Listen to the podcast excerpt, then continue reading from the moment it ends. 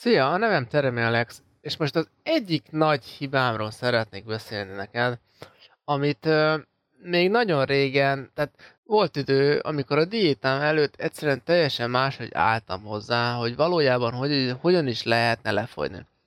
Volt egy időszak, amikor azt gondoltam, hogy lefeküdni úgy célszerű, amikor éhes vagy. Tehát éhesen célszerű lefeküdni azért, mert hogy mivel éjszaka egyáltalán nem fogsz enni, ezért gyakorlatilag a, az a zsíraktárodból fogod éjszaka fedezni azt, a, azt az energiaszintet, amire éppenséggel akkor szükséged van.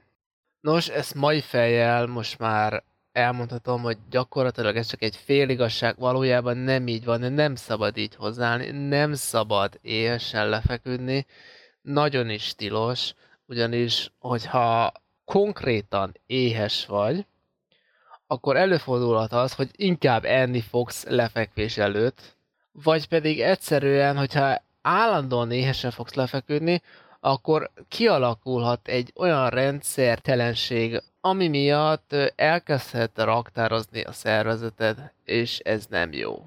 De hát akkor mi a jó, ugye? A jó az, hogyha lefekvés előtt három órával eszel. Tehát, hogyha egy nagy étkezést ö, tartasz, akkor azt lefekvés előtt három órával keveged. Most nyilván ö, ezt vagy úgy ö, csinálhatod, hogy eszel, és három óra múlva mindenképpen lefekszel, vagy úgy, hogy eldöntöd azt, hogy pontosan mikor szeretnél lefeküdni, és azt szerint fogsz három órával előtte enni. És itt az lenne a cél, hogy valójában ö, akkor feküdj le, amikor már jönne a másik étkezés, csak hogy ezt már nem várjuk meg, hanem éppen lefekszel, de ekkor még nem vagy éhes, de már épp hogy csak elkezdheted érezni. Na már most ilyenkor kell lefeküdni mindenképpen, tehát nem szabad megvárni azt, hogy konkrétan éhes is legyél. De azt sem szabad, tehát túl hamar sem szabad lefeküdni, ugyanis ha túl hamar fekszel le, akkor egyszerűen azt a felesleges ételt, amit nem tudod feldolgozni a szervezeted, egyszerűen elraktározhatja, ami ugyebár nem célod. És csak azért meséltem el neked, hogy egyszerűen volt időszak, amikor én is tévhitben éltem, amikor egyszerűen nem értettem hozzá, és ezt kell megértened, a fogyásod egyszerűen érteni kell, meg kell tanulni, hogy hogyan kell lefogyni, mert önmagunktól nem tudjuk, senki nem oktatott erre minket.